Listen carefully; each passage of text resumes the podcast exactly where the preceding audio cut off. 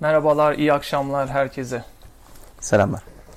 Merhabalar, iyi akşamlar. Ee, hemen Şununla başlayalım giriş. abi. Evet. Çok hızlı şeyi. Sen dinleyici yaşı merak ediyordun. Ee, Kadir en genç bizi dinleyen arkadaşım merak ediyor. Ama belki de henüz hepsi toplanmamıştır ya. Bir, ama şöyle birazdan onu soracağız diyelim. doğru ya. Ee, şimdi toplanırken, gerçi toplanmış da olabilir çünkü uzun bir müzikle girdik nereden baksan. Ve bir değişik bir giriş yaptık bir yandan da bu sefer bizim o Standart. bayık şarkı yerine Sonunda evet. e, biraz daha iç bir mevzusu olan, bir derdi olan bir şarkıyla girdik. Bugün günlerden perşembe. Bu sistemin parçası olmak işte bir eziyettir bence falan gibi bir şarkıyla girdik. Dertli e, bir şarkıydı. E, herkes toplanıyor yavaş yavaş. Umuyoruz ki e, 13. bölümümüzde yine herkese hoş geldiniz diyoruz. Ve evet e, o en genç dinleyiciyi bulma arayışımızı muhakkak e, vakti gelince yapalım. Şimdiden de zaten büyük ihtimalle en genç benimdir diyen lütfen e, yaşını yazsın. E, onun dışında da e, direkt diğer konularımızdan başlayalım. Geçen bölüm ne konuştuk biz abi? Şehir konuştuk. Şehir, planlama, tasarımı, şehir, ve bölge planlamalar. Ve aynı zamanda bir de marketingle alakalı da Evet bir Ee, pazarlama sorusu gelmişti. pazarlama- Onu konuştuk. pazarlama sorusu. Bir diğer taraftan sen kısaca şeye değinmiştin. Ee, bu konuşmacılar bir yerlere çağrılan, etkinliklere çağrılan konuşmacılar konusuna Evet. biraz biraz değin. Aslında pazarlama ile ilgili şey dedik. Yani müşteri memnuniyetine odaklanın. Müşteri sizin pazarlamanızı o halletsin. Ee, reklamlarınızı o yapsın. O konu öyle bir hızlı geçti. Ee, konuşmaları da artık bizzat gidip e, kapalı konuşmalar yapmak yerine internette yayınlanacak şekilde konuşmalarınızı tertip etmeniz çok daha akıllıca dedik. Öbür yöntemleri de köhne adlettik resmen. Evet. Ee, ve şimdi yeni bölümümüzde herkes de geldiğine göre bu sorgulamalara devam. Ben hep aklımda bir konu var. Ee, bu yine TED Talks'ta dinlediğim ve duyunca apışıp kaldığım, dünyamı değiştiren, her şeyi tepe taklak eden bir konuşma dinlemiştim. Ee, çok basit bir örnekti. Konuşmanın sadece bir 30 saniyelik bir kısmıydı aslında beni etkileyen şey. O da e, aslında zaten ancak tek bir yolu olur. Tek bir şekilde çalışır zaten zannettiğimiz şeylerin tam zıttının da aynen güzel çalıştığını ve hatta daha iyi çalıştığını bir örneğiydi bu. O zaten bende büyük bir sorgulama kapısı açtı. Acaba bu tersi güzel çalışıyorsa başka nelerin tersi güzel çalışıyordur yoluna sokan şeylerden bir tanesi bu örnekti. Introduction'ı yeterince yaptığıma göre artık örneği verebilirim. Örnek şuydu. Japonya'daki sağlık e, sağlık sistemi ne olan yaklaşım. Doktorlar nasıl Japonya'da eğer sağlıklıysan, her şey yolundaysa para harcıyorsun. Hasta olunca para harcamıyorsun. Hastaysan para harcamıyorsun ama sağlıklı geçirdiğin günler için onun bedelini ödüyorsun. Çünkü şöyle yaklaşıyorlar olaya. E sen sağlıklıysan, her şey yolundaysa demek ki doktorlar görevini iyi yapıyor. Yani anlatabildim mi? Doktorlar görevini iyi yapıyorsa parayı hak ediyorlar. Ama sen bozulduysan, hasta olduysan demek ki doktorlar e, bir şeyi eksik yapıyorlar. O yüzden de senden para talep edemiyorlar gibi ters bir akış var. Tabii şu anda aslında bu e, bir vakit bu felsefeden yola çıkılmış. Şu anda daha farklı incelendiğini, araştırıldığını aslında olayın ülke çapında kusursuz bir sağlık sigortası sistemi olduğunu aslında. Yani sağlık sigortası nedir? Her gün hasta da olsan, iyi de hissetsen parasını ödersin. Ama hastalandığında da para harcamazsın. Aslında bu. Ama bu bunun felsefesini böyle yapmak ve e, şimdi böyle bir sistemin içerisinde yani bu ilk başta verdiğim örneğe dönelim. e, doktorların sadece hastasının iyi günlerinde, sağlıklı günlerinde para kazandığı bir sistemde doktorların nasıl motive olacaklarını bir hayal ediyorsun. Şey yapar. Der ki sağlıklı besleniyor musun? Sporunu yapıyor musun? Ee, ve önleyici tedbirler. Gel bir check-up yapalım sana. Gel bir check-up yapalım. Herhangi bir şeyin varsa, sıkıntın şeyin varsa erkenden haberimiz olsun. Ya da Dolayısıyla Evet. seni sağlıklı tutmak için aslında çaba gösterir. aynen Şu andaki sağlık sisteminde özellikle özel hastanelerde şöyle bir şey var. Çok yaygın olarak duyuyorum.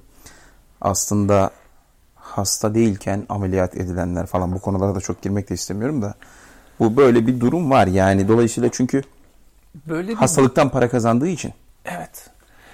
Tabii ki de çevre tasarımı olay. Şimdi oradaki doktorlar çok iyi kalpli, buradaki doktorlar efendime söyleyeyim kötü kalpli. Öyle bir yaklaşım hiç yani öyle bir şey yok. Her yerde insan aynı ama çevresi nasıl tasarlandıysa o çevrede hayatta kalmak için davranışlarını değiştirebiliyor.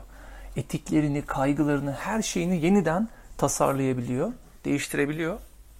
Çevresi öyle olduğu için ve evet Japonya'da doktor senin hasta olmanı istemiyor. Çünkü ancak öyle tatiline gidebiliyor.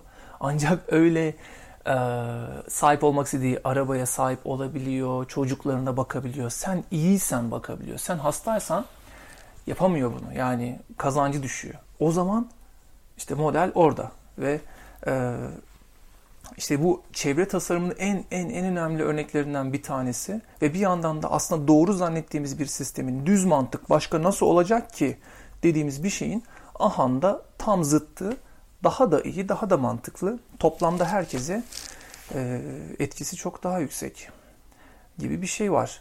Hani e, tabii bununla alakalı belki bir yandan komentleri açmak, bakmak lazım. Bir kıpırdaşma bir şeyler oluyor mu? Bu arada yaşlar gelmeye başladı. 20 ile Enes Bal 19 19 Eren Zaman evet. 19'la şu anda e, Eren e, en genç dinleyicimiz olarak aramızda. 19 yaşı ne oluyor? Üniversiteye hazırlık yanlış attım mı şimdi ne dedim ben ya? Lise son mu oldu şimdi 19? Lise, üniversite ve aslında şey yani diğer yaşlar da şey yani üniversiteli gençler tabii ki var yani. E, güzel. Ee, evet. Şimdi bir mevzu daha var. Biz bu bölümleri yaptıkça tabii ki geri dönüşler geliyor ve yorumlar, tavsiyeler, özel hayatta çevremdeki kişilerden de alıyorum. Ee, bazen kaygılı olduklarını da görüyorum. Ya biraz daha şöyle yapmak lazım, biraz daha böyle yapmak lazım. Ee, muhakkak buradaki dinleyicilerin de aynı şey vardır. Ya bunlar niye böyle yapıyorlar ya da bazı şeyleri niye düşünmüyorlar gibi bir şey var. Ee, olayın dışında olmak, olayın içinde olmak hakikaten çok farklı şeyler. Ben de çünkü bizim programları dinledikten sonra diyorum ki ya ne aptal herifler bu, bu programı yapanlar niye bunları ona değineceğine neye değinmiş, bunu bunu söyleyeceğine neyi söylemiş. Bu çok garip bir şey. Ee, ve zamanla işte her şey bu yaparak yaparak ve zamanla gelişiyor olduğunu eğer 500. bölümümüzde dinleyecek olursanız ancak o şekilde şey yapabiliriz. Bu bu bir yolculuk ve e, işte biz şu anda tabii ki de kaybediyoruz bazılarını e, sürecin içerisinde de ama bundan vazgeçmeyip bunu yapmaya devam ettiğimiz sürece bir gün yine geri kazanabiliriz. Bir yandan da e, öyle bir detayı var. Bir de 60 dakikada 60 dakikalık iyi bir şey çıkartmak imkansız.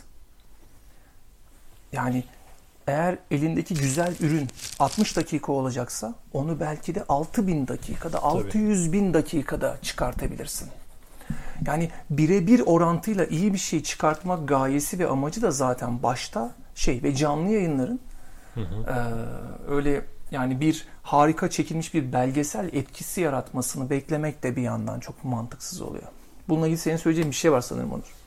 Ya tabii mesela filmlere baktığımızda işte kaç 90 dakikalık bir film 100 dakika ama kaç dakika görüntü alınıyor acaba Tabii. gibi. E, Biz mesela başka bir şeyin bölümleri inanılmaz beğeniliyordu. Çünkü biz Tabii. orada haftalarca ba- bazen bir aylık emeği böyle sıkıştırıp 10 dakikaya indiriyorduk. O ne etkisi? Uyuşturucu etkisi yapıyor yani. E, kurgu Kokain gibi. tekniğiyle evet. Kötü olan ne varsa oradan kesip atıp kesip atıp kesip atıp sonra iyi dediğimiz şeyin üstüne bir daha oturup yine acımasızca kesip Evet. atıp O yüzden bir canlı yayındaki olay şey. Şimdi şeker mesela şeker pancarından çıkıyor. Ee, şeker pancarının içinde şeker var ama e, seyrek. Onu e, konsantre ediyorsun ve bir tane hop ağzına bir küp şeker attığında belki de kilolarca şeker pancarının içindeki şekeri sana konsantre şekilde veriyor ve bu inanılmaz bir şey. Bu doğada e, normal doğal bir şey değil. Bu insanın yaptığı bir şey. Film izlemekte, çok emek verilerek yazılmış bir kitabı okumakta, tekrar tekrar revize edilmiş, kısaltılmış, özetlenmiş güzel şeyler konsantre ve çok yüksek etkisi oluyor. E, ve ve bu anlamda e, buradaki bu programında etkisinin seyrek olması yani tabiri caizse bir şeker pancarı yiyormuş gibi. Yani sağlıklı, Evet. Sağlıklı, sıkıntı yok. Yani bol bol yiyebilirsiniz, bol bol dinleyebilirsiniz. Ee, bozmaz, moral bozmaz, bir şey yapmaz. Sağlığınıza şey ama ama o aman tanrım ya neler var internette şu anda ben bunları izleyeceğime, dinleyeceğime niye buna vakit ayırıyorum dedirtir. Dedirtir şimdi onu da biraz kabul evet, edelim yani. dedirtebilir. Fakat ileride zaten birinci bölümlerde ya da ilk bölümlerde diyeyim bir belirtmiştik. Buradan süzüp Evet. bunu ileride bir YouTube projesi haline getirme planı var. Bu arada sürekli gelen sorulardan birini ben tekrar sana soruyorum. Maillere, burada aşağıda yazılan sorulara tekrar tekrar tekrar başka bir şey gelecek mi? Başka bir şey ne oldu? Kadir Ayrıca abi başka bir da- şey daha yapar mısınız? Soruları. Bana da tek tek mesaj Evet, atan evet. arkadaşlara cevap olsun bu. Evet. Cevapla abi. Abi doğru o konuya bir girelim. Başka bir şeyi neden kapattık? Ama bunu bir sen cevapladıktan sonra şimdi şu aralığı dinlemeyen tekrar soracak ya ben e, dinleyenlerden şunu rica ediyorum. Lütfen bu konuda dinleyenler dinlemeyenlere şimdi Kadir'e söyleyeceklerini paylaşıp anlatsınlar ki İşte bu hani kayıtlı olacağı için en azından ya da soranları bir dahakine böyle bir, bir tamam deriz 13. Çok- bölüm Çok e, makbule şu geçer. dakikayı 13. dinle falan bölüm diye. 16. dakika deriz oradan e, şey yaparlar. Ben açık seçik anlatayım o zaman başka bir şey. Çünkü e, çok iyi gidiyordu. Tarihçesi çok kısa bir kanal olmasına rağmen e, hatırı sayılır bir izleyici takip e, sayısına ulaşmıştı. Ve etrafta da heyecan uyandırmıştı. Bize gelen yorumlar çok üst seviyeydi. Hayatlarında kariyer kararları verenler, işiyle alakalı işte büyük dönemeçlerle ilgili kararlar verenler falan oluyordu. O derece etkisi yüksek olmuştu. Ama bizim için de etkisi çok yüksek olmuştu. Bizim de şirket içinde kendi dinamiklerimizi tabiri caizse değiştirdi. Yani dışarıdaki insanlardan belki daha çok bizim kendimize bir etkisi oldu. Tabii. Ee, ne yönde? yani içeride biz neyiz, biz kimiz, bizim rolümüz, maksadımız falan ne? Bir böyle bir ben kendi adıma çok garip garip hissettim takdir edersiniz. Çünkü aslında planda böyle bir kurgu yapmak, böyle bir anlatım yapmak da yoktu. Bu sevgili Burak Aksoy'un şeyi e, yani resmen teması üzerine inşa oldu. Bu şey bu bu heroik, bu e, kahramansı, bu e, destansı tutum, bu inanılmaz cazibeli kurgu, süslü böyle dünya dışı, Türkiye dışı anlatım. E, ben buradaki gibi konuşan bir insan olarak orada da konuşuyordum ama o müzikle, o kurguyla, o şeyle böyle bir e, bizi bizden aldı. Ben mesela ilk sahneyi hatırlıyorum işte başka bir şeyin ilk sahnesinde dışarıdan böyle binaya böyle drone'la giriş var. Öyle bir plan yoktu. Biz bir test çekimi yapmıştık altı üstü. Evet Burak'la konuştuğumuzda Evet. hatta onu ters çektik. Onu Ben kendi ben aptal gibi camdan dışarı bakıyordum. Çünkü drone'u görmeye çalışıyordum. Drone cama yaklaşırsa çarpmasın diye ben ele e, haber verecektim. O yüzden drone'a bakıyordum. Plan şuydu. Drone'u cama kadar yaklaştır. Ondan sonra geri doğru açıl. Al sen bunu görüntüyü. geri çekim geri çekime ver. Reverse. Ondan sonra benim bir başka muhabbette yaptığım şeyden böyle üstüne efektlerle koy falan filan bir giriş yap. Ben kendim İzleyiciler de çünkü öyle demiş. Aman tanrım ya bu, bunu nasıl bir şey falan.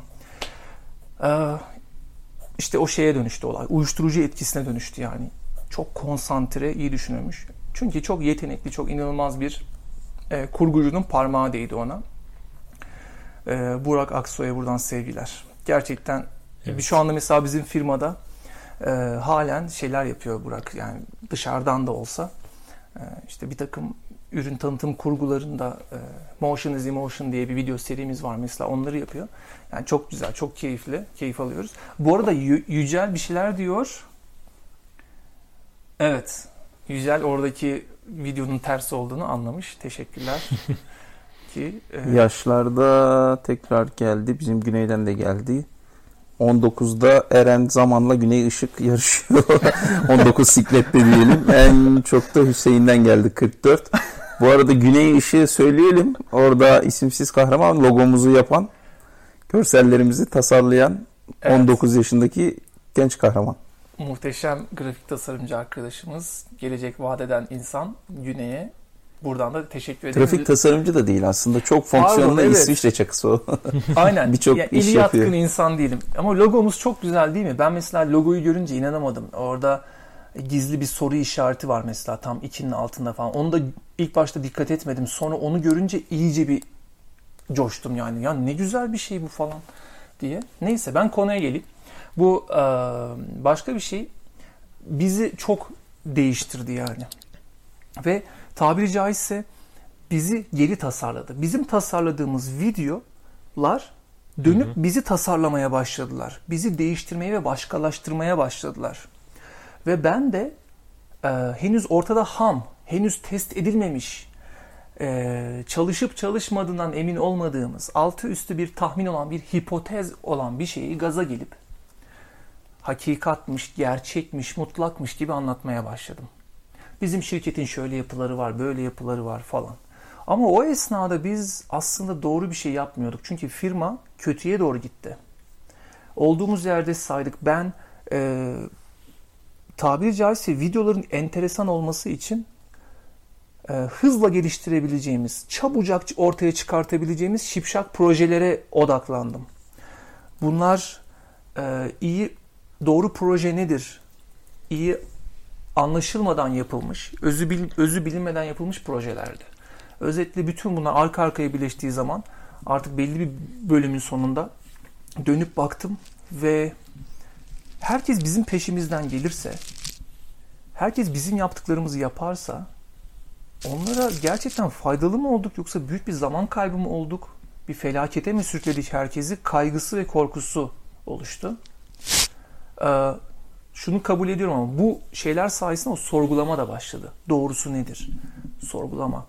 Ve e, biz ne biz neden mesela bu kadar özgürlük veriyoruz kendimize? Her şeyi rahatlatan bir firma olduk. Kişilere hayallerinizin peşinden gidin diyen bir sistem kurduk. Proje sistemlerimiz, demokrasiyi kurduk, inşa ettik ama bir şeyler eksik. Bir şekilde ciroya yansımıyor. Eğer ciroya yansımıyorsa bir sorun var demektir. Ve o yüzden de yayını kestik. Ben dedim ki yayını keselim. Firma içerisinde başka çalkantılarımız da oldu. Zaten bu finansal kriz e, ekipte küçülmeye gitmeye sebebiyet verdi. Hı hı. Ve bunlar e, büyük travmatik herkes için çok travmatik bir dönemdi yani hepimiz için. Yayını kestik. Sonra ama bir yılı aşk yani o dönem zaten harıl harıl bir şeyleri rayına koymaya çalışıyorduk. Yeni bir sistem tasarlamaya çalışıyorduk. Ama yayında olmadığımız bir seneyi aşkın sürede eksikleri toparlayan şeyler yakaladık. Hı hı. Şimdi artık ciroya yansıyan ve bence dışarıdan bizim firmanın gidişatını takip edenlerin ya bir dakika bu arka arkaya bir şeyler çıkmaya başladı. Burada bir şeyler yolunda gidiyor dediği bir durum var. Ve bizlerin bireysel kazançlarımız, manevi hazlarımız rayına oturdu. Çünkü artık nihayet bir firma nedir? Bir çalışan nedir? Tanımını yerine oturtmayı başardık. Eskiden çalışan memnuniyeti, çalışan mutluluğu gibi kavramların peşinde koşarken şimdi bunları böyle bir şey olmadığını, mutluluk denen şeyin kişinin kendi elinde olduğunu, bir firma, bir çalışı, bir insana mutluluk veremeyeceğini eğer o hani e, tabii ki sömürmemek gerekiyor. Sömürme kimseyi ama ondan sonra yapabileceğin geri kalan bütün her şey o insanın sorumluluğu. Memnun olmak, bir anlam bulmak, mutlu olmak. Bunları üstlenmeye çalıştıkça bunları e, çalışanlar adına halletmeye çalıştıkça aksine böyle needy, needy nedir bu needy'nin Türkçesi? Yani isterik. E, Evet.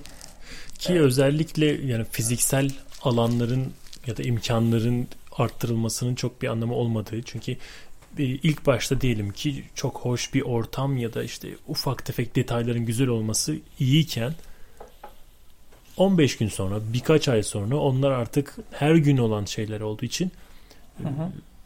etki etmez. Çok sıradan bir şeyi gördük. Motivasyonla olmadığını bu işin gördük. Zaten şu anda artık bugün 13. bölümünü yaptığımız bu radyo serisinde ise motivasyonla uzak durmaya, motivasyonu boş ver.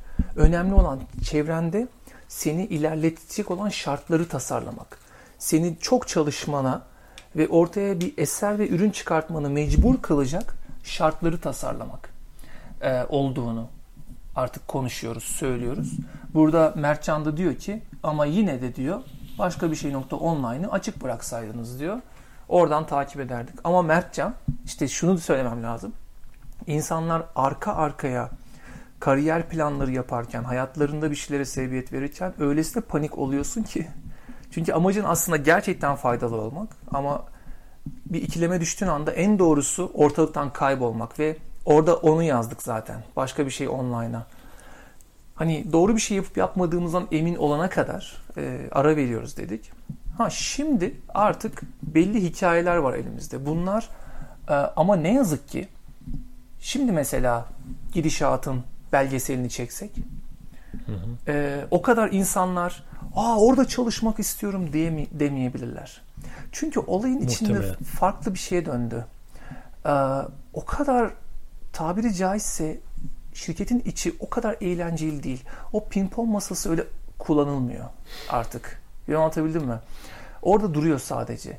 İçeride daha farklı bir dinamizm, bir gündem var.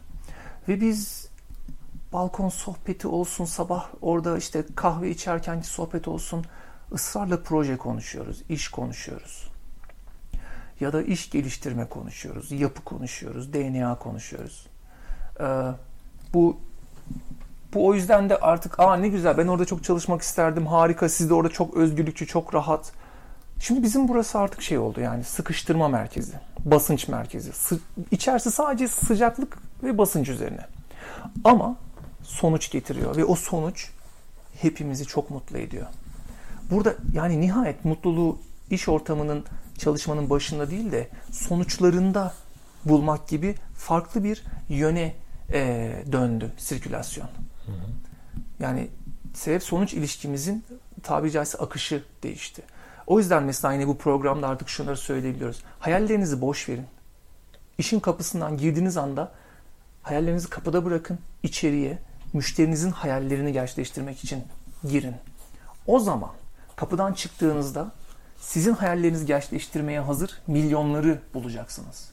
Ama sen işe girdiğinde müşterinin parasıyla kendi egonu tatmin etmeye çalıştığında bir problem doğuruyorsun. Ee, evet. sen kendi egonu kendi paranla tatmin et. Müşteri de bırak kendi parasıyla kendi egosunu tatmin etsin. Müşteri her zaman haklıdır olayındaki dinamiklere geldik, uyandık, iyice pekiştirdik bu anlamda kendimizi. Ve o yüzden de başka bir şeyi kapattık ama şimdi de Harun da geldi. Harun Yücesoy sana saygıyla burada eğiliyorum. Harun Sevgiler. selamlar abi.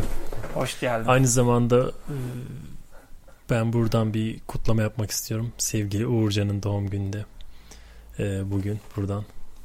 Uğurcan'cığım o zaman bir e, şey doğum günü şarkısı o zaman çıkışa verelim. Onu ben bir Evet. ayarlamaya çalışayım bir yandan. İyi ki doğdun. Seni seviyoruz. Saygılar, selamlar.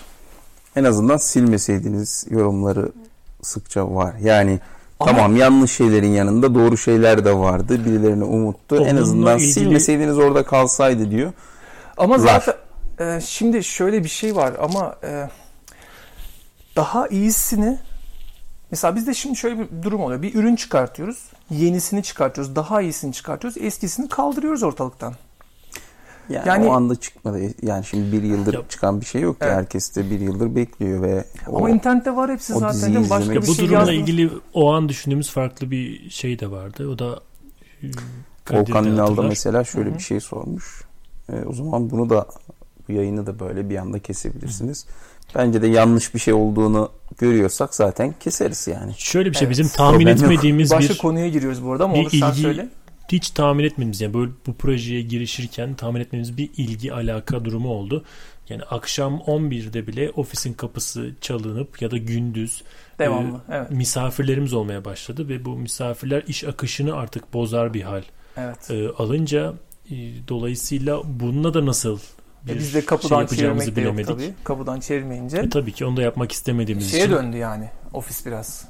Sohbet muhabbet merkezine döndü tabii. Ya o çok sıkıntılı bir konu. Benim de muzdarip olduğum, rahatsız olduğum böyle bazen buralardan geçiyordum diyerekten gelip bir saat bizde de ama Hı. sizden bir kere e, böyle hafiften kışkışlanmış biri gelmişti bizim oraya ağladı. Yani ağladı dediğim birazcık böyle ya pek indi ya ben de anlattım durumu yani. İşte orası hı. sonuçta çalışma yeri yani. Çalışıyorlar. Çat kapı giderseniz uygun değil. Tabii. Bir başka konu var ama şimdi bak. e, şimdi her gün yeni bilgiler geliyor. Yeni deneyimler ekliyoruz hayatımıza. O yüzden her gün biraz daha akıllıyız. Biraz daha tecrübeliyiz. Biraz daha bilgiliyiz. Bu herkes için böyle. Ama bir yandan da şöyle bir hayat tercihimiz var hepimizin. Ya ben şu anda daha akıllıyım. Ne, ne zamandan daha akıllıyım? Geçen aydan. Geçen aydan daha akıllıyım. Geçen hatta ben 10 yıl öncesinden doğal olarak çok daha bilgili ve tecrübeliyim. Değil mi? Ama ondan sonra bakıyorum 10 yıl önce aldığım kararlar var. Ve şu anda onları bozmamışım. Devam ettiriyorum. Ee, o 10, 10 yıl önceki, 5 yıl önceki, geçen yıl, geçen ayki kararlarla hayatım şu anda bugün şekilleniyorlar. Ve ben bazen bugünden bakıyorum ve o kararların bazen yanlış olduklarını, hatalı olduklarını görüyorum. Ama bir şey yapamıyorum. Tükürdüğümüzü yalamamak ya da böyle zikzak çizmemek, sırf tutarlı görünmek, tutarlı görünmek uğruna bizden çok daha akılsız, küçücük, çoluk çocuğun, bu anlamda kendimden bahsediyorum, verdiği kararlara gıkımı çıkarmadan şöyle yetişkin bir insan olarak aklımla başımla terbiyeli maymun gibi oturup hayatımı yaşıyorum. Bu çok yanlış. Her gün bir gün daha akıllıyız. Her gün biraz daha farkındayız. Nasıl sen yani şimdi düşün yani yıllarca önceki tecrübesiz halin aldığı karara karar o diyor ki sana o çocuk sen böyle böyle bir karar aldın bunu yaşayacaksın. Ve ben koca adam onun altına nasıl ezdiririm? Yani bilgili ve tecrübeli olarak. O yüzden de evet başka bir şeyi tam bir enerjiyle başlattık ama sonuna geldiğimizde daha olgun, daha tecrübeli bir şeydik. Ve o çocuk tutarlılık falan ya da işte bir şeye başla ya tükürdüğümüzü yalamayalım. Allah kusura bakma sen benim bildiklerimi bilmiyorsun. O kadar farkında değilsin. Ben şu anda seni dinleyecek durumda değilim. Sen şu anda benim farkındalığımda olsaydın buna bunu yapmazdın. O yüzden keselim yayını. Ya da bu program başladı. Bir gün bunu kesebiliriz. Burada şunun cesaretine ihtiyacımız var hayatlarımızda. Bir şeyi fark ettiysen, vazgeçmen gerektiyse, bir şeyi değiştirmen gerektiyse büyük ihtimalle o gün en akıllı halinde olduğun için doğru bir karardır. Yap, karar ver ve uygulamaya al. Sonra bir ay sonra, birkaç hafta sonra de ki "Ee, şu anda daha da akıllıyım ve daha da bilinçliyim ve terk etme ve vazgeçme kararım yanlışmış. O zaman geri dön. Yani karar al ne hissediyorsan o anlamda. Çünkü e, bunları yeterince yaparsan zikzak çizmek gibi görünecek dışarıdan. İnsanlar seni tutarsız, ne yaptığını bilmeyen zannedecekler. Ama sen bir sürü kararlar almış, her şeyin tadına gidip yerinde bakmış. Dolayısıyla büyük resmi en çok gören, en çok farkında olan kişi olacaksın. Daha sonra senin zikzakların azalacak. Ama sen tutarlılığa geri geriye kalacaksın. Artık olduğun yerden sağa sola gitmemen gerektiğini, geçmişte yaptığın bütün o kararları alman sayesinde, peşine gitmen sayesinde sonuçlarını çoktan biliyor olacaksın. Ondan sonra da çok tutarlı bir yere gideceksin. Diğer insanlarınsa tutarlı olmak adına bir kere başladık artık bu böyle gider. Ya da bir millet ne der, el ne der. Değişmeyelim, dönüşmeyelim. Ben bölümümü sevmedim, çıkar, çıkmayayım, başlamayayım, girmeyeyim, çıkmayayım falan. Larıyla oldukları yerde statik hayatları e, aslında her şeyin farkında olduklarını zannettikleri ama aslında tam büyük resmi görmedikleri. Ne kadar az karar aldıysan, ne kadar az zikzak çizdiysen hayatta o kadar az farkındasın. Bu e, o yüzden biz işte kapattık başka bir şeyi. Sonra bunu açtık. Bunu kapatırız ya da daha da güçlendiririz. Her gün şey yaparız. Bir gün öyle gider, bir gün böyle gider. Ama e, bu böyle. Ve Erdem de noktayı koymuş. Bazen en cesurca karar vazgeçebilmektir. Aynen, aynen, aynen diyoruz.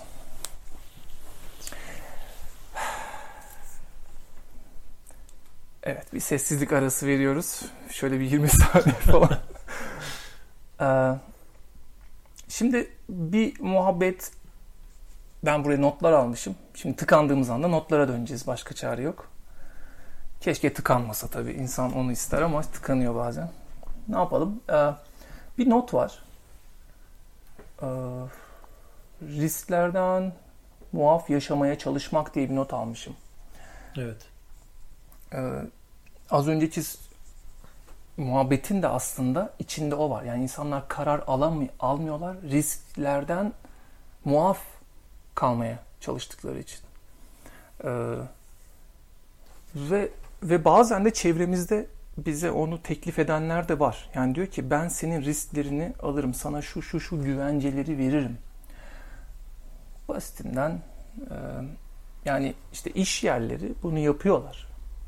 Sana maaşını veririm. E, bu nedir? Yani riskleri üstüne almak. Sen şunu şunu yap, gerisini düşünme. Maaşı konusunda alacaksın. Al sana şey sigortanı yaparım. Tatillerini veririm. Tatillerini, şu kadar gün tatil hepsi net. Bunu yap, bunu bunu kazan falan. Ee, ve bu şekilde bir anlaşmaya el sıkıştığımızda çünkü ne güzel. Ee, memuriyet.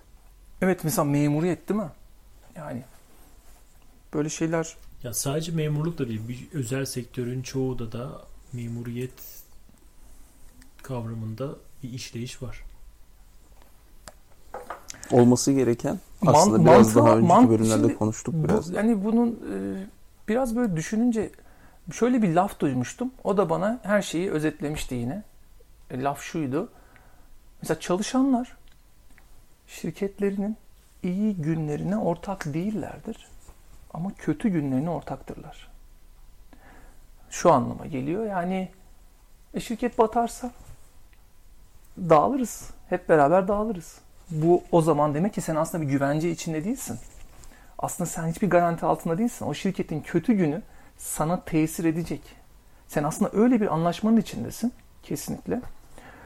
Ama bir yandan da şirketin iyi günleri olur. Patlar gider. Ama sana mesela tesiri e, olmuyor falan. Niye biliyor musun? Çünkü sen başta güya güvenli, riskten muaf bir anlaşmaya girdiğin için. Yani iner çıkar fark etmez. Bana stabil bir şey garanti ediyorsanız ben buraya gelirim anlaşması. Güya risksiz bir e, anlaşmaya girmek. Özünde imkansız bir şeye çabalamak. Ve o yüzden de risk, risksiz olayların peşinde koştuğunda yani kötü şeylerden zaten kendini koruyamıyorsun ama iyi şeyleri kaçırdığınla kalıyorsun. Evet iyi şeyleri kaçırdığınla kalıyorsun. Risksiz şeyler özetle bu tarz durumlar e, doğuruyor. Ve o yüzden de hayatımızda belli bir makul oranda risk kesinlikle muaf yani ondan muaf olmaya çalışmanın anlamsız ve verimsiz olduğunu bilip riskle dans etmeyi e, anlamak lazım. E, o da risk dediğin şey istatistik ve olasılık. Bu kavramları anladığın zaman riskle dans edebiliyorsun. Nihayet duygularına yenilmiyorsun. Ee, analitik duygusuz olarak hesaplayıp e, bunu almaya değer mi, bunu alayım mı, bunu almayayım mı konusunda e, bilinçli ilerleyebiliyorsun. Ama mesela çevremde risk analizlerini sadece duygusal yapan çok fazla girişimci olabilir, her seviyede insan gördüm. Ve yani en basit örneği şu araştırmayı duyuyor. Diyor ki cep telefonu e, kullanmak e, beyin kanseri riskini 3'e katladığı bilimsel araştırmalarla ispatlanmıştır. Şimdi bu bunu duyduğun zaman e, eğer olasılık, istatistik bilmem ne bu kavramları devreye sokmazsan bu haber sana şey yapıyor. E, ben o zaman kafamdan bunu uzak tutayım olayı işte. Herkesin böyle tartışmalar oluyor. Bak 3'e katlanmış, 5'e katlanmış falan. Ama ondan sonra yalnız bunlar e, atmasyon sayılardır. Örnek yani lütfen herkes kendi araştırmasını yapsın. Ben relatif bir fikir yani şeyden bahsetmeye çalışıyorum. Sonra araştırmanın gerçekten detaylarına indiği zaman şunu görüyorsun. Bu 3'e katlandı ya, 5'e katlandı ya olasılık. Hı hı. 10 milyonda birden 10 milyonda 3'e çıkıyor. Ya da 10 milyonda 5'e çıkıyor. Şimdi evet. anlatabildim mi? 5'e katlan dediğin şey hala e, sıfıra yakın bir olasılık. Ama sen olayı tam böyle görürsen tam olarak olasılığın yüzde kaç olduğundan eğer bir şeyin kaça katlandığına gidersen işte çok e, şey kaybediyorsun. Tam olarak absolut olasılık nedir? Üzerinde yaklaşırsan çok daha şey O yüzden de bazen hayatımızda başımıza gelme riskinin sıfıra yakın olduğu şeylerden korunmak için çabalarken bir yandan da başımıza gelmesi çok çok olası şeyleri önlemek için hiçbir şey yapmıyoruz. Yine olasılık ve istatistik konusuna e, vakit ayırmadığımız, kafa yormadığımız. Bu böyle bir hani sadece MF'cilerin konusu değil. Bu insanın bir numaralı konusu. Yani her insana öğretilmesi gereken en önemli şeylerden bir tanesi. Çok da zevkli bir konu. Orada çok zevkli. Evet. O, yani olasılığı düşükle ilgili örnek verdin ya ama Hı-hı. düşünmediğimiz aslında olasılığı yüksekle ilgili bir örneğin var mı mesela? İnsanların ben şimdi şöyle tabii e, herkesin en çok korktuğu başına gelmesinden en çok korktuğu istemediği şey ölmek ya. Tabii şimdi oradan örnek verince hani ölüm sebepleri bakımından e, işte bakıyorsun bir nolu ölüm sebepleri işte kalp, işte tansiyon, e, işte şeker bilmem ne işte falan. Bunları engellemek ve önlemekle alakalı hakikaten çok böyle şey yapmıyoruz. Her 8 yılda bir insanın ölme riski ikiye katlanıyormuş. Mesela tabii ki doğal olarak yani çünkü anladın mı? Ama mesela şimdi bir sürü burada şeyler var. İstatistikler ve olasılıklar var. Ee, hı hı. Hani bunları bilip harmanlayıp böyle hep bunları böyle küçük küçük e, sağında solunda tutup gündelik hayatında kullandığı zaman böyle küçücük doğru kararlar e, sinsilesine dönüşüyor. Sonra çok büyük sonuçlara dönüşüyor ama bu şey bir konu. Yani e, aslında sadece hani evet Harun da dağılım konusuna da şey yapıyor. Ee, ve işte bu konuda şimdi burada detayına girip böyle ders verir gibi bir şey yapmak yerine sadece ufak bir dikkat çekip buna bence buradan ufak ufak uzaklaşalım bu mevzudan. Onur şey demişti. Biraz da zevkli konulardan konuşalım, para konuşalım falan. Onur'da vardı konu evet. e, parayla ilgili de aslında tabii ki çok fazla kapsamlı şey var da e, özellikle böyle değinmemiz, yaklaşmamız gereken bir kısmı Ben şunu merak ediyorum. Aslında şimdi bazı genel şeyler konuşuyoruz ya. Herkesin şartları farklı. Hı, evet, Çevresi, fırsat, büyüdüğü fırsatlar. ortamlar, fırsatlar belki de. Sence fırsatlar eşit mi? Tabii, tabii ki değil. Yani herkes farklı şartlarda bir e, sınava başlıyor diyeyim ya da rekabete başlıyor. Ve orada bir mücadele etme çabası var. Dolayısıyla o da aslında belki de başarılı olacak kişinin gerilerden, eksilerden veya bazen de hiç girişememesi. Ben hep şey diyorum bazen. Şimdi birinin elinde bir hedef var. Elinde de 10 tane ok var. Tabii ki amaç da 12'den vurmak ama bir tanesinde de bir tane ok var. Ve hani antrenman yapma şansı da pek yok. Hı hı. Attı mı gitti. Zaten o korkuyla da atamıyordu o oku. Yani Hı hı. ulan bir tane okum var. Atarsak kötüye giderse en azından hep bir ihtimalim var. Bir gün atacağım ama hep bir ihtimalle yaşamak. Doğru. Öyle e, atamama korkusu o. Evet. Ya başaramazsam biterim. Ee, ya bu şimdi aslında fırsat eşitsizliği mevzusunu en ayyuka çıkaran, en çekilmez hale getiren konu parayla para kazanma kültüründen geliyor yani. Parayla para kazandığında yani emekle değil, çabayla değil, ortaya iş koyarak, zaman ve enerji harcayarak değil, oturarak, sadece oturarak ve hiçbir şey yapmayarak para kazanmanın mümkün olduğu bir sistemde tabii ki de fırsat eşitsizliği durduğu yerde açılmaya, açılmaya, açılmaya başlıyor. Parayla para kazanmak ama o kadar keyifli, o kadar tatlı bir şey ki parası olmayanların bile rüyalarını çok süslediği için ve onların da ya ben de bir gün paramla para kazanabilirim. O yüzden şimdi sessiz kalayım. Şu anda götürenleri, bizim emeklerimizi aslında sömürenleri e, gıkımı çıkarmayayım çünkü bir gün ben de belki sömürenler arasında olabilirim.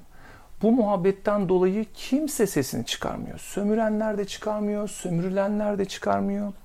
En ezilen çalışan bile bir gün kendi şirketini kurup e, ortalığı dağıtma hayalinde olduğu için kendi çalışanları olması hayalinde olduğu için fırsat eşitsizliği kocaman bir problem. Sonra da bizzat o problem yine az önce senin de söylediğin gibi insanların bir şeylere başlamamasına, deneyememesine de sebep verince bu da daha da ortalığı yani pozitif feedback loop kendi kendisinden e, beslenen, kendi sonuçlarını kendi sebeplerine çeviren bir döngüye dönüşüyor ve şu anda belki de sınırlarına geldik bu işin.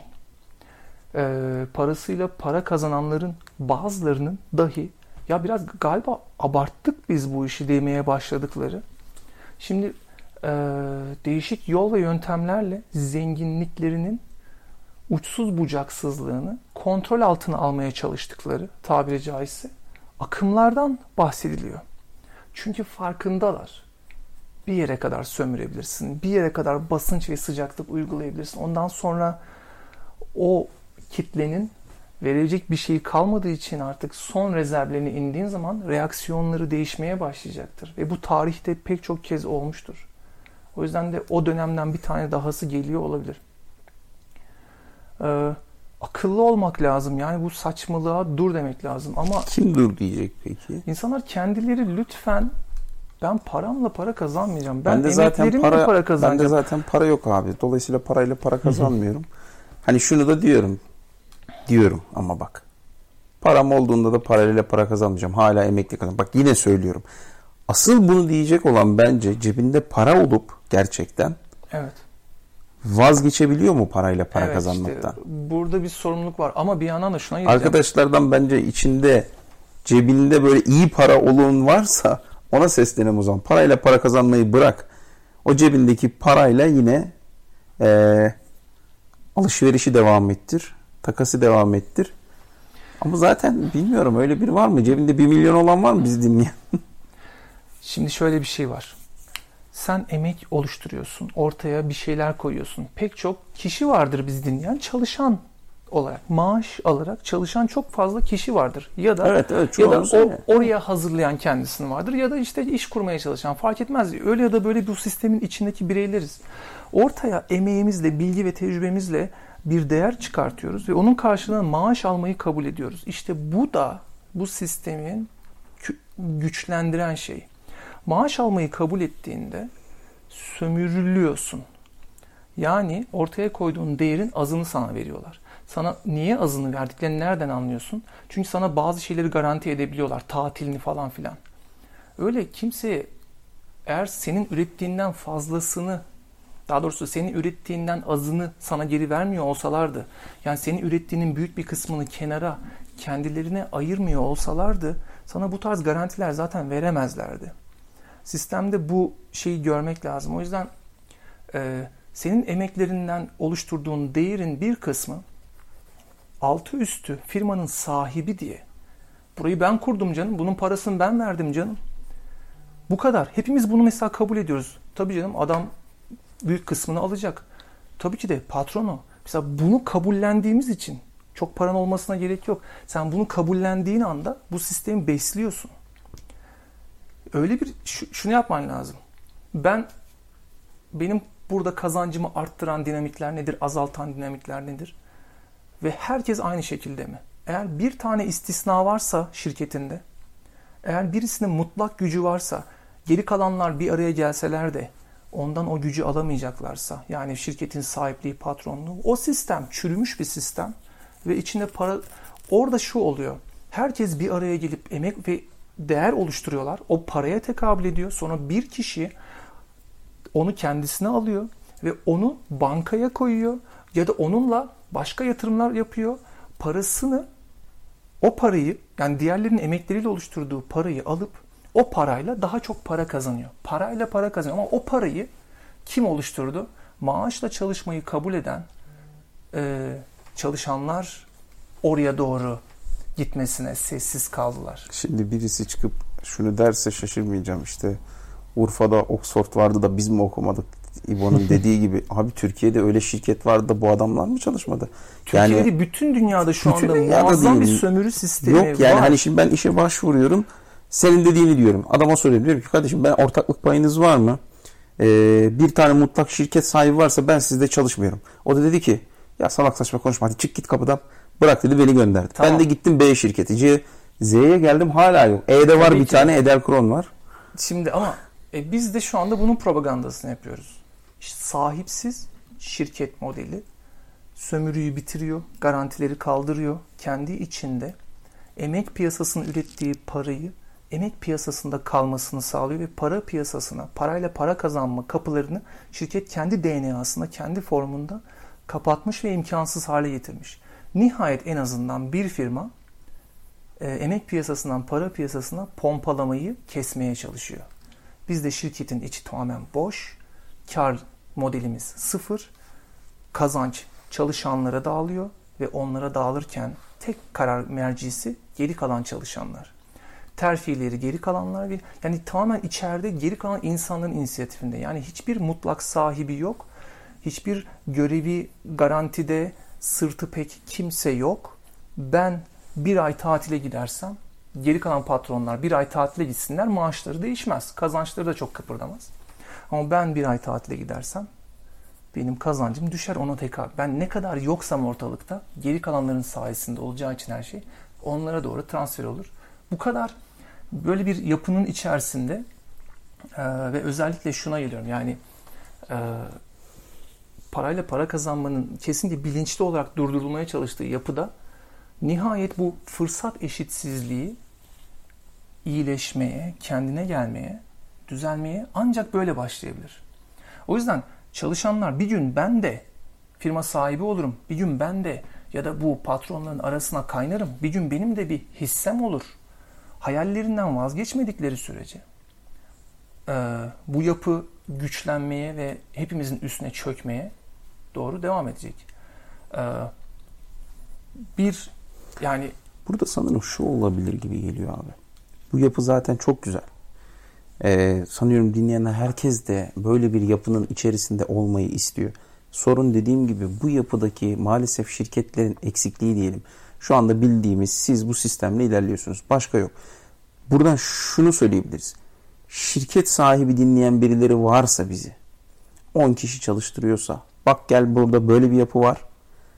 Bir şeylerden vazgeç ama uzun süreli bir burada aslında sana geri dönüş olacak. Bu doğru sistem sömürünün olmadığı bir sistem. Al şirketine bu yapıyı oturt, uygula, başla ve yarın senin de sesin çıksın. Böyle bir sömürülmeyen yapı bizde de var. Bir tane daha var. Dolayısıyla bu oluşmaya başlayınca şu olabilir. İnsanların tercih edeceği e, ne diyeyim ona kaliteli firmalar mı diyeyim abi yani hani sömürmeyen firmalar diyeyim. Hı hı. Sömürmeyen firmalar oluşmaya Hı hı. başlarsa Bizim tabii ki en büyük hedefimiz muazzam bir başarı yakalamak. Ee, bizim çapımızda, bizim know-how'ımız ya da nasıl söyleyeyim, bizim e, kadromuz ve imkanlarımızda ki diğer firmalara kıyasla çok daha yüksek büyüme oranları yakalayabilirsek ve çok daha yüksek cirolara çıkabilirsek ancak o zaman belki birileri diyecek ki ya bir dakika siz bunu nasıl yaptınız? O yüzden de sırf onun için emekle çok çaba vererek bu yapıyı uzaklardan görünebilen e, hale getirmeye çalışıyoruz. Yani kendimiz konuştuğumuz değil, dışarıdan diğer şeylerin bilançosuyla, cirosuyla fark etmeye başladığı. O yüzden agresif bir büyüme planımız var. E, şirket diğer şirketlerin büyümesi çok sakıncalı aslında. Hepimizin kökünü kurutuyor. Çünkü dediğim gibi para piyasasına para pompaladıkları için bir şirket ne kadar büyürse piyasadan o kadar çok para çekiyor. Ee, ama mesela eğer dengeli bir firmaysa ki bizim olmaya çalıştığımız yapı bizim büyüme eforumuz aslında tabiri caizse piyasadan parayı topla sonra onu aynen geri pompala. İçeride bir biriktirme eforu yok. Bizde bir sadece sirkülasyon eforu var. Ee, ve tabii ki e, şeye geleceğim, en başına geleceğim olayın. Bu insanlar eğer bir şeyleri garanti etmeye çalışıyorlarsa bir e, anlaşma, bir kontrat, bir şeyin yüzdesine sahip olmak, bir maaşın mutlak imza ile ona garanti edilmesi falan gibi şeylerin peşine koştukları sürece e, yapı çöküyor. Herkesin şunu demesi lazım. Bana ne geleceğiyle ilgili ben hiçbir e, net garanti bir şeyin içinde olmamayı kabul ediyorum. Bana gelecek şeyin ne kadar olacağını, kazancımın ne olacağını geri kalanlar takdir etsinler. Ve bunu istedikleri zamanda arttırsınlar, azalsınlar. Ve ben bununla alakalı niye böyle oluyor falan demeyeceğim. Buna okeyim. Ha ama ben de geri kalanların kazançları bakımından söz sahibi olmak istiyorum. İşte bu. Yapı bundan ibaret. İçinde hiçbir garanti olmadığı için çok gerçek, çok dinamik, meşakkat dolu, sonuç üreten çok farklı bir mentalite var şu anda bizim elimizde. Ve inanılmaz sonuçlar doğuruyor. Ama ben istiyorum ki bunları böyle boş laf olarak değil, e, önümüzdeki yıllarda daha da görünen, daha da belli olan şekilde dikkat çeksin. Ve ondan sonra belki de teker teker yeni gruplar, yeni girişimciler, 3 kişi, 5 kişi, 10 kişi bir araya gelip ya bir dakika biz böyle sizin modelle bir yapılanalım ee, ve yolumuza devam edelim deme cesareti bulurlar. Yani burada yapının içerisindeki kişilerin ne kadar kazandığının çok önemi yok. Aslında çok fazla kazansalar çok da mutlu edici olur. Çünkü ya benim şahsi olarak güncel hayatımda artık normalize de olmaya başladım da etrafımda en rahatsız olduğum konu genel olarak hayatta bu yüksek rakamlara daha çok kazanıp e, kazanan insanlar. Yani çaba oranı düşük olup yüksek kazananlar. Yani bu for, bu modelde kolay gerçekten para, şunu bilebileceğiz. Evet şunu bilebileceğiz. Şu yani bu model olsa gerçekten biri çok kazanıyorsa onu çok çalışarak ve hak ederek kazanmış olacağını bilebileceğiz ve o zaman o adama bakışımız öyle olacak. Ben şu anda e, güncel hayatımda, günlük hayatta çok fazla parası olan insanlara öyle bir bakışla bakamıyorum. Biraz şey oluyor. Büyük yani. ihtimalle parasıyla para kazandığını düşünüyorsun ve büyük ihtimalle de haklısın ve hatta kesin haklısın. Çünkü yapı şu anda modeller öyle. Ucunu yakalayınca yani birisi vardı. Ee, yani tabii ki de ne isim vereyim ne bir ipucu vereyim ama şunu dedi yani. Gençler e, gayrimenkule girin gayrimenkule. Bak, çok çok bak ben bir sürü bir sürü dairem var. Ee, kiraları topluyorum. Bir kısmıyla tabii ki de hayatımı yaşıyorum. Gerisiyle yeni daire alıyorum. Onunla geri yeni daire alıyorum. Onları kiraya veriyorum. Çok güzel. Her şey çok güzel. Size tavsiye ederim. Böyle uğraşmayın. Böyle uğraşmayın bunlarla. Çünkü nasıl uğraştığımızı gördü bize acıdı. Böyle uğraşmayın bunlarla. Bak yani koy kenara. Dağıtma ne yapıyorsun falan. Bunlar var. Ee, ama herkesin şu anda problemi bu mentalite. Ya bu olmak ya bu olmak istemek. Ve bu yani geleceğe çocuklara hiçbir şey kalmıyor. Ortalık fecahat bir hale geliyor. Ya bu şey Bu kaldı ki şöyle bir şey de var. Özellikle benim yaş grubumdaki arkadaşlarımda iş hayatına atıldıklarından beri gördüğüm konu çalıştıklarındaki aldıkları parayla hayallerinin çok uzak olduğunu daha da idrak etmeye başladıklarında Hı. bu sefer iş ortamındaki işten tamamen daha da kopuş belli bir süre sonra da işi tamamen bırakma e, gibi bir artık Durum es- da var. eskisi gibi de değil. Şimdi şöyle bak yani e, hakikaten şunu da biliyorum. Eskiden belli kültürler varmış. Mesela patron ve çalışanların dünyaları ayrıymış. İnternetin de olmadığı bir yere git şimdi. Patronunu sadece iş yerinde gördüğün bir dünyaya git. Öyleydi eskiden. Ve patron e, bunu da bilerek böyle hikayeler de var. Yok efendim arabasını da mütevazi seçtiği sürece tamam çok çok çok kazandığı halde çalışan ve patron arasında mental bir kopuş olmuyordu. Ama şimdi patron Instagram'da paylaşımda hayatının bütün şeylerini story olarak yapıştırıp geçiyor. Ve sen diyorsun ki biz beraberdik bir ara. Aynı yolda çıkmıştık. Beraber kurmuştuk bir firmayı. Tamam ben çalışanıydım. O da patrondu. Ama yine de yediğimiz içtiğimiz ayrı gitmiyordu. Çünkü çok kazanamıyordu. Bütün kazancını bize veriyordu. Ama şimdi götürüyor. Ve arada açılıyor. Ve açıldıkça açılıyor. Ve görüyorum ki benden daha fazla çalışmıyor.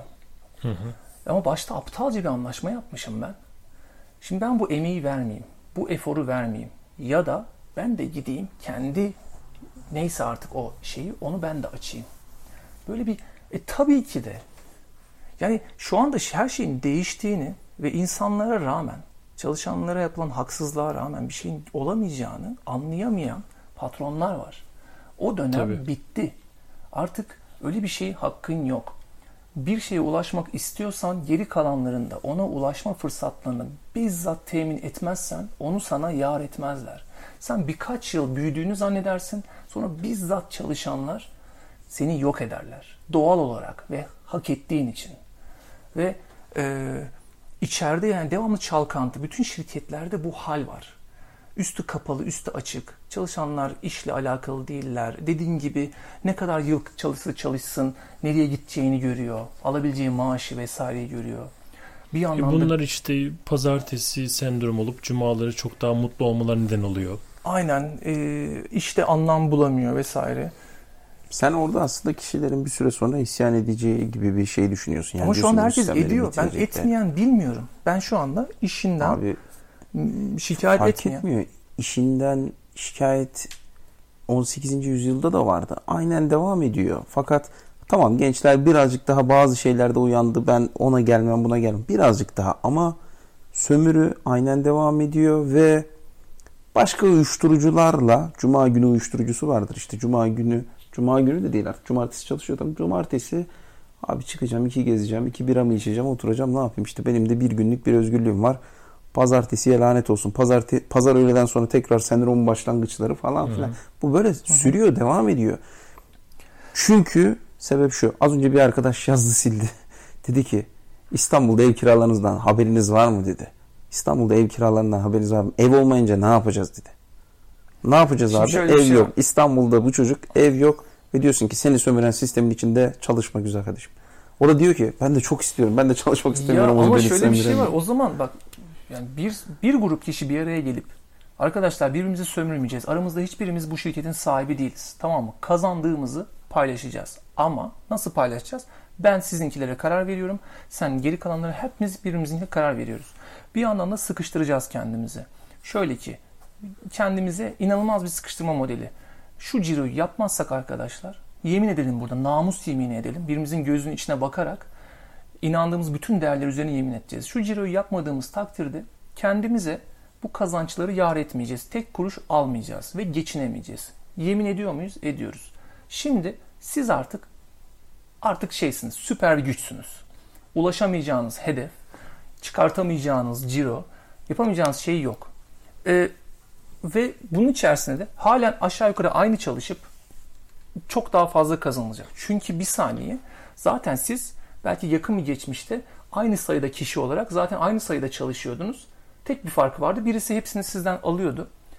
Ee, sırf ben bunu ben kurdum ben sahibiyim diye. Başka hiçbir sebepten değil yani. Başka hiçbir sebepten değil. Ama şimdi o adamdan, o kadından kurtuldunuz. O yüzden de e, artık siz de ürettiklerinizin sahibi sizlersiniz. Ki Ama ne bu- kadar kazanılsa bile hiç bir rahatsızlık duymadan harcanabilir Ee, ya da kesinlikle. kazanabilir. Çünkü birebir kazanıyorsun. Hak edilmiş sana, sana verilmiş, verilmiş, oluyor. şeyi, ve verilmiş geri oluyor. kalanların verdiği şeyi. O yüzden sen istediğin gibi arabanı da değiştir, tatiline de git, hepsini de Snap'te paylaş. Burada Hiç sıkıntı şöyle bir değil. şey lazım. Bir, toplumda Onur'un dediği konu var ya aslında ben hani parayı yani daha doğrusu atıyorum o lüks araca binen yani 1 milyon TL'lik Range'e bineni görünce hani onu çalışarak aldığını düşünmüyorum. Dolayısıyla ne düşünüyoruz? Çalarak aldı düşünüyoruz. Daha çok çalarak. Çalarak derken Evet. emeklerden çaldı.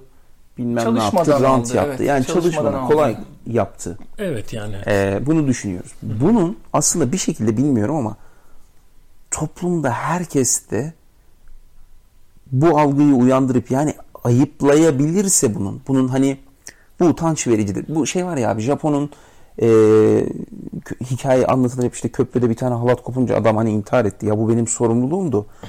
Bu nasıl olur yani ben sorumluluğumda olan bir şeyi ben demek ki bir insanın hayatına mal olabiliriz diyerek kendi hayatından vazgeçti. Dolayısıyla da şu bakış açısını mı diyeyim ge- getirmek gerekiyor.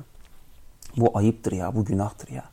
Bu haramdır ya. Hani bunu çabalamadan, çalışmadan 100 tane kişiyi sömürerek aldıysan bu senin hakkın değil. Problem şu.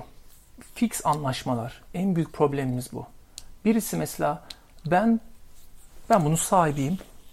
Ee, anlaşalım. Benim haklarım asla benden alınamaz. Haklarım olacak. Çünkü bundan bundan dolayı ne olursa olsun o çünkü aslında böyle bir hakkın olamaması. Yani buna gelmemiz lazım. Diğerlerinde buna okey demesi falan. Burada bir problem var. Eğer içinde olduğunuz yapıda mutlak bir hakim, mutlak bir sahip varsa ee, şu laf, şu laf çok önemli abi.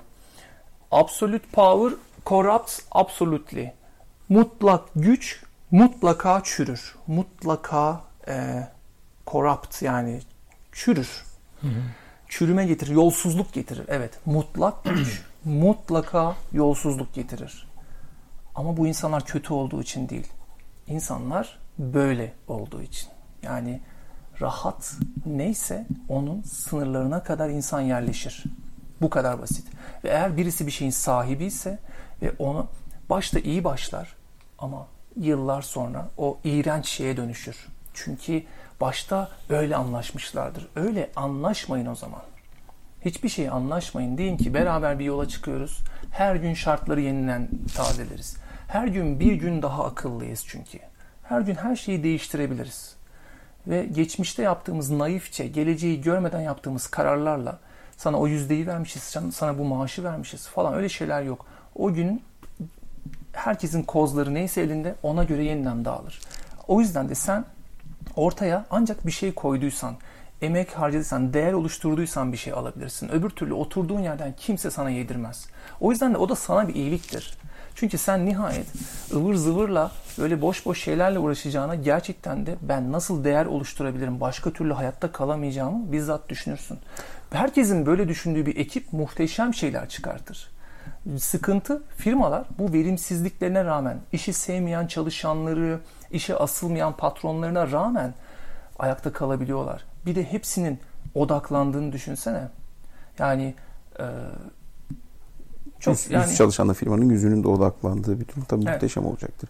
Burada tabii bir şöyle bir şey var. Az önce benim söylediğim şey hani tühkaka dememiz yani o kişilere yanlış dememiz çok naifçe kalıyor. Yani o, o onun yoluna bakar. Dolayısıyla bunun aslında kolay para kazanmanın yolunun kesilmesi lazım. Başka türlü bir şey yok. Az önce dediğin insan rahattır. Yayılma alanı sağlarsan da yayılır. Ona o kolay imkanı sağlıyorsan o kolay yöntemine devam edecek. Kestirme yoluna gidecek. Arazi alıp ev alıp kiralamaya devam edecek.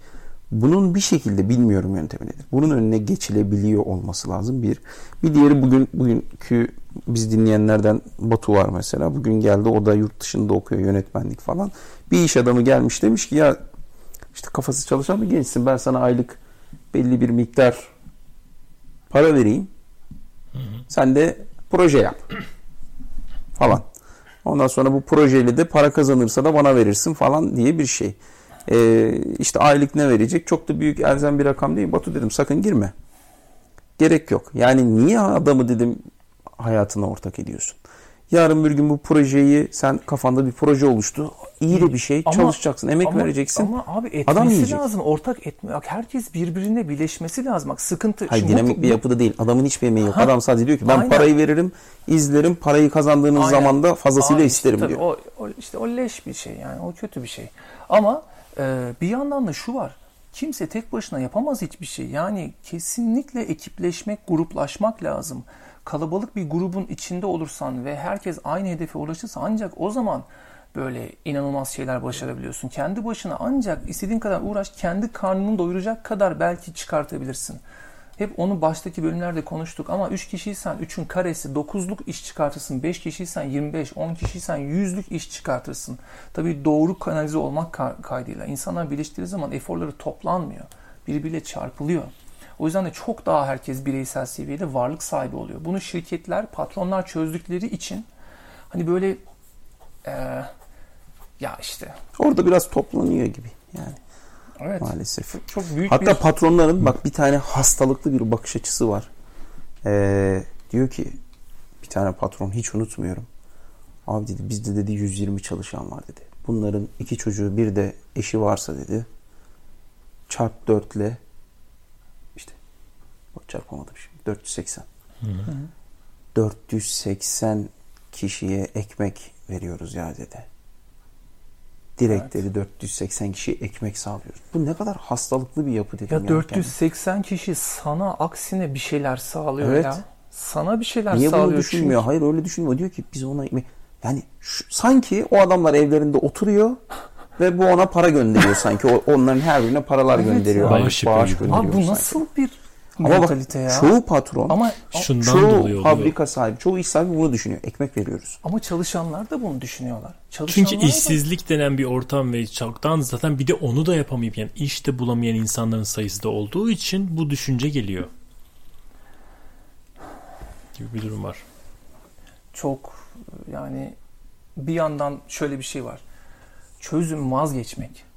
İşte bu. Çözüm vazgeçmek. Çözüm çalışanın da patron olma aşkından, çalışanın da bir gün çok bir e, parayla para kazanma aşkından vazgeçtiğinde o dinamiklerdeki bir yapının içerisine girdiklerinde özgürlüklerini ilan edip e, ya ben zaten öbür tarafta deli gibi çalışacaktım. İşte burada deli gibi çalışacağım ama nihayet müthiş olacak bu sefer e, memnuniyet olacak. Bu arada Harun güzel bir şeyler yazmış gibi görünüyor.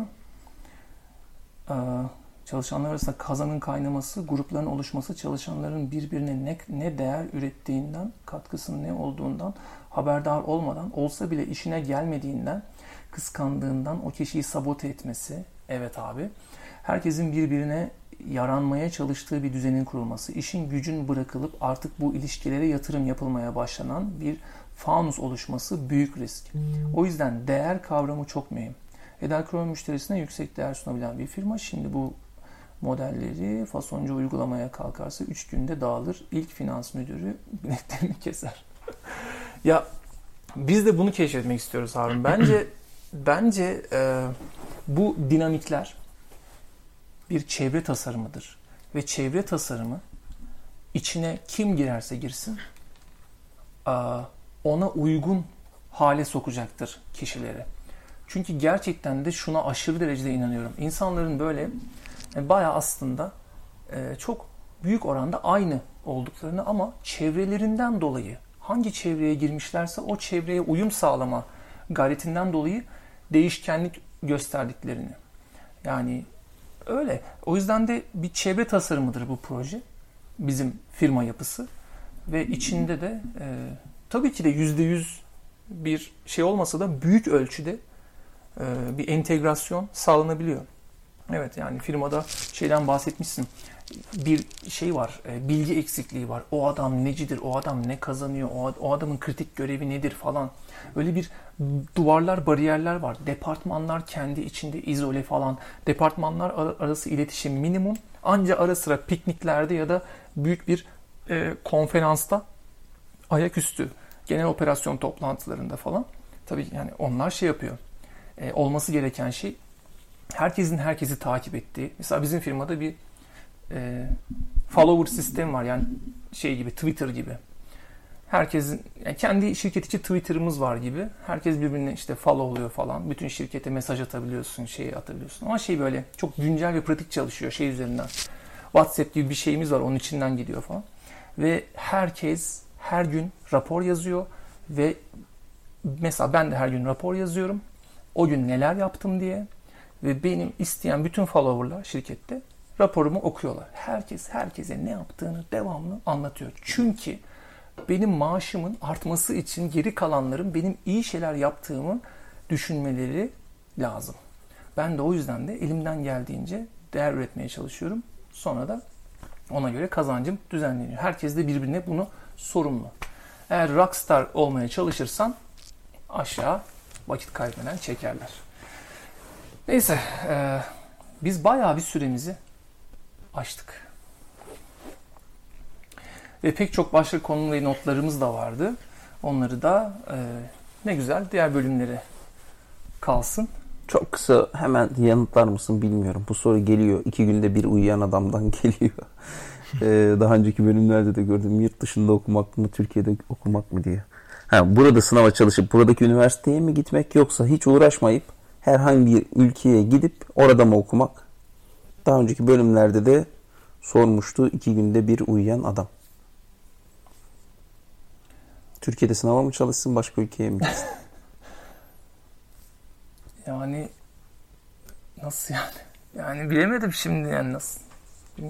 Evet, Kadir de bilmiyor bu soruyu. Evet. Bitti. Aynen. Ee, Batu bir şey sormuş hemen ona bakalım. Burada şey diyor Marksist manifestoyu Marksist e, ne demek bilmiyorum. Samimiyetle söyleyebilirim onu yemin edebilirim ne olduğunu bilmiyorum. Böyle muhabbetlerin belli takılar vardır belli şeylere isimler konmuştur. Gerek yok. Ee, içinde sadece hep hani böyle bir isim koyduğun bilmiyorum. Yani belki Şimdi- de odur belki de değildir. Ee, Şimdi bana da geliyor bazıları. Şimdi X bir şey olduğunda diyor ki ben atıyorum sizin şirket yapısıyla ilgili biraz bahsediyorum. O tamam Toyota kültürü ondan almış falan. Diyorum ki bak bir sıfat koymaya çalışma. Direkt bir sıfatla bir şey yapmıyorlar. Yani hani işte bilmiyorum diyorsun. Marksizmi bilmiyorsun. Sosyalizmi bilmiyorsun. Komünizmi bilmiyorsun. Kapitalizmi bilmiyorsun. Liberalizmi bilmiyorsun. şeyi Biliyor musun? Bil- Komünizmi biliyorum. biliyor musun? Komünizmi biliyorum abi. Marksizmi nasıl bilmiyorsun o zaman? Abi yani bilmiyorum yani tam olarak bilmiyorum. Komünizmi biliyorum. Komünizm de abi. Ya şuna geliyor bak. Burada doğadan bir model alınmışlık var. Anlatabildim mi? Yani öyle bir kitaptan bir O- kitaptan bir da, bilim Bu adamı arada komünizm falan değil. da oradan aldık diyor. Yani Ha, onlar tamam, da, o zaman süper. Veya Büyük ihtimalle şeydir. Kapitalizm de oradan aldık diyor. Onu da söyleyeyim. Yani Tamam, Adam tamam, Smith de okey. geliyor diyor ki biz de oradan aldık. Ama burada O- şöyle bir şey yok. Yok efendim herkese yardım edilecek. Ee, sadece sömürülmemesi. Ama insanlar evet. ortaya değer koymuyorlarsa e, hayatta onlara başarılar. Ya Hayatta, ha şöyle bir şey. Geri kalanların merhametleri vardır. Geri kalanlar isterlerse yardım ederler, bağış yaparlar ama keyiflerine kalmış. Ortaya bir şey koymayanlar. Ellerine ne gelirse, ne umarlarsa onunla yetinsinler. Ama lütfen ortaya bir şey koyanlar, ortaya bir şey koyanlar da böyle saçma sapan anlaşmalar yaparak birisi sadece ben bunun sahibiyim, parasını verdim diye yıllarca herkesin emeğinin büyük bir kısmını alma anlaşmaları da naifçe atlamasınlar. Eğer bunun adı geçti şimdi yukarı Marksizmse bilmiyorum. Yok, ben sadece de- demek istediğim ama- yani Kadir zaten Marksizm veya bilmem ne falan filan izimlerle değil yani onları okuyarak Evet. onların kitabı veya işte bilmem ne kültürü kitabı değil ama bunların içinden ben şunu düşünüyorum. Bunun içinden yaptığınız uygulamanın içinde Toyota kültürü vardır. İşte bilmem ne vardır. Vardır. Apple vardır. Ama şu da var. Yani Şimdi- nereden beslendiğin sorusu gelmişti bizim oradaki etkinlikte. Hani kişisel gelişimini nasıl yaptın konusu geldi. Kimse kişisel gelişimini kendi yapmıyor. Tabii ki çevreyle etkileniyor. Bugüne kadar okuduğun okul, kitap, Aynen. çevre, aile, e, işte TED Ben Talks ısrarla TED konuşmaları Talks diyorum, şu TED diyorum, bu diyorum. Bir yerlerde dinliyorsun, bunlar- ok- okuyorsun. artı kendi deneyimleri firmalardaki kendi firmalarınızın içinde deneyimlerinizden çıkan bir model. Bu Marksizmde değil, bu kapitalizmde değil. Bu hepsinin harmanlanmışı belki evet güncel hali hepsinin çünkü o dönemlerde gerçekten bilgi vardı ama şimdi daha çok bilgi var. daha Aslında- çok çarpıştırabileceğin konsept var. O yüzden biraz Bak daha Burada olgun şöyle bir detay bir şey söylemek istiyorum. Aslında buradaki olay sistemi yor, e, sorgulamak değildi. Bence çıkış noktası şu. Zaten bir ürünler de çıkarken firmada ürün olmadan önce de bakış açısı, problemlere yaklaşma en baştan sorgulayıp acaba nasıl olurdu deme alışkanlığının şirket yapısı Zaten içerisindeyken problem çözme nasıl olurdu? Şirket nasıl olurdu? Ya, Tekrar Özetle sıfırdan. mesela bir şirketten birisi istifa ediyor. Şimdi şirketin gözünden, şirketin sahibinin, patron gözünden bakış açısı eğer hani işte ne ne diyeyim böyle baya ya bir problem var demiyor. Ya bir dakika birisi nasıl gitmek ister buradan ya? Buradan bayağı gitti. Buradan daha iyi yerler olduğunu düşünüyor. Nasıl bunu düşünebildi? Büyük bir problemimiz var bizim. Çünkü bunu bir kişi düşünebiliyorsa pek çok kişi düşünebilir. O zaman biz boşa çalışıyoruz. Burada bir bütünlük, burada bir eser çıkartma şansımız yok ki. Git, giden insanlar varsa. Gidemez kimse. Ne oldu da gitti? Bak böyle düşünen yok. Böyle düşünen yok. Böyle düşünen olmadığı için özüne inip çözmeye çalışan ve insan dinamiklerini anlamaya çalışan insan da yok. Yani firma sahibi de yok. Şöyle. Vallahi kendi bilir. Birisi giderse ikisi gelir. Ondan sonracıma e, acımadı ki. Yani çok çocukça basit bir reaksiyon veriyor genelde. Onu görüyorum. İşte kaldıramadı. Bünyesi yetmedi zaten. E, beceremedi. E, zor geldi, ağır geldi. Gitti. E, işte tamam yani bunu çöz. Niye? Yani ne olursa olsun birisi git, gidiyorsa çok büyük bir problem var demektir. Başka sebeplerle yolları ayırırsın ama birisi ben gidiyorum e, dememeli. Dememeli yani. Sirkülasyon, çalışan sirkülasyon öyle normale alınacak bir şey değil yani. O, o bir bazı sektörlerde çok yüksek, bazı şeylerde az falan. E, o yüzden de durum bu. Çok kısa Batu şey demiş hani e, fikirlerini hayata geçirmek, genç dinamik gücün verimliliğini kullanabilmesi için diyor işte bu yatırım konusu falan. E, o yüzden diyor bu tür tekliflere benim az önce söylediğim vardı ya o zaman diyor bu tür tekliflere tamam deme durumunda kalıyoruz diyor. Orada aslında belki vaat edilen bize küçük paralar ama işte bize ileriye yönelik ortaklık olmaları Bu tarz şeylere evet demek zorunda değilsiniz. Çaresizlikten e, maaşlı işlere girip bir yerlerde çalışmak zorunda değilsiniz. E, daha farklı bir metodla, daha böyle çek... bir grup kişi, 3-5 kişi, e, şimdi mesela biz o zaman söyleyeyim bunu da e, belki firmanın biraz erken oldu bunu söylemek için ama bizim şu anda şirket içinde görüştüğümüz bir konu var. Edel Krone girişimci grupları destekleme programı. Bununla ilgili DNA maddesini yazıp görüşmeye açtım şirket içerisinde. Şu anda bu müzakere halinde. Amacımız ciromuzun belli bir kısmını bu tarz girişimci gruplara borç olarak vermek ve kesinlikle üstüne ekstra bir kuruş beklemeden e, sistemlerini çalıştırmaya başlayıp para kazandıklarında ki kendilerini sıkıştırmalarını da isteyecek. Tıpkı biz kendimizi nasıl sıkıştırıyorsak onlar da kendilerini sıkıştıracak. O konuda prensip anlaşması yapacağız. Onu bozmayacaklar. O şekilde çalışacaklar ve ondan sonra ciroyu çevirmeye ve büyütmeye başlayacaklar. Ondan sonra onun da içinden cüzi bir oranda bize bütün borcu geri ödeyecekler. Biz de sonra o parayı yine bir başkasının gelişimi, bir başkasının gelişimi borç için aynen verdiğiniz gibi alacaksınız. Tabii orada bir parayla para kazanma çabası yok. Dolar mı veriyorsun TL? Ha, ondan sonra ondan sonra o şirketin de Küçük altın. hiçbir eforunda, hiçbir ortaklığında yok, hiçbir şeyimiz olmayacak. Kesinlikle böyle bir şey söz konusu değil. Ee, ama bir şey daha isteyeceğiz. Siz de diyeceğiz cironuzun belli bir oranını bir başka e, Belli bir noktaya geldiğinizde birini gruba destekleyin, borç borç vermek için. Aynen ama hepsini de geri alacağınız şekilde e, kullanın. Ve bunu da söz vereceksiniz.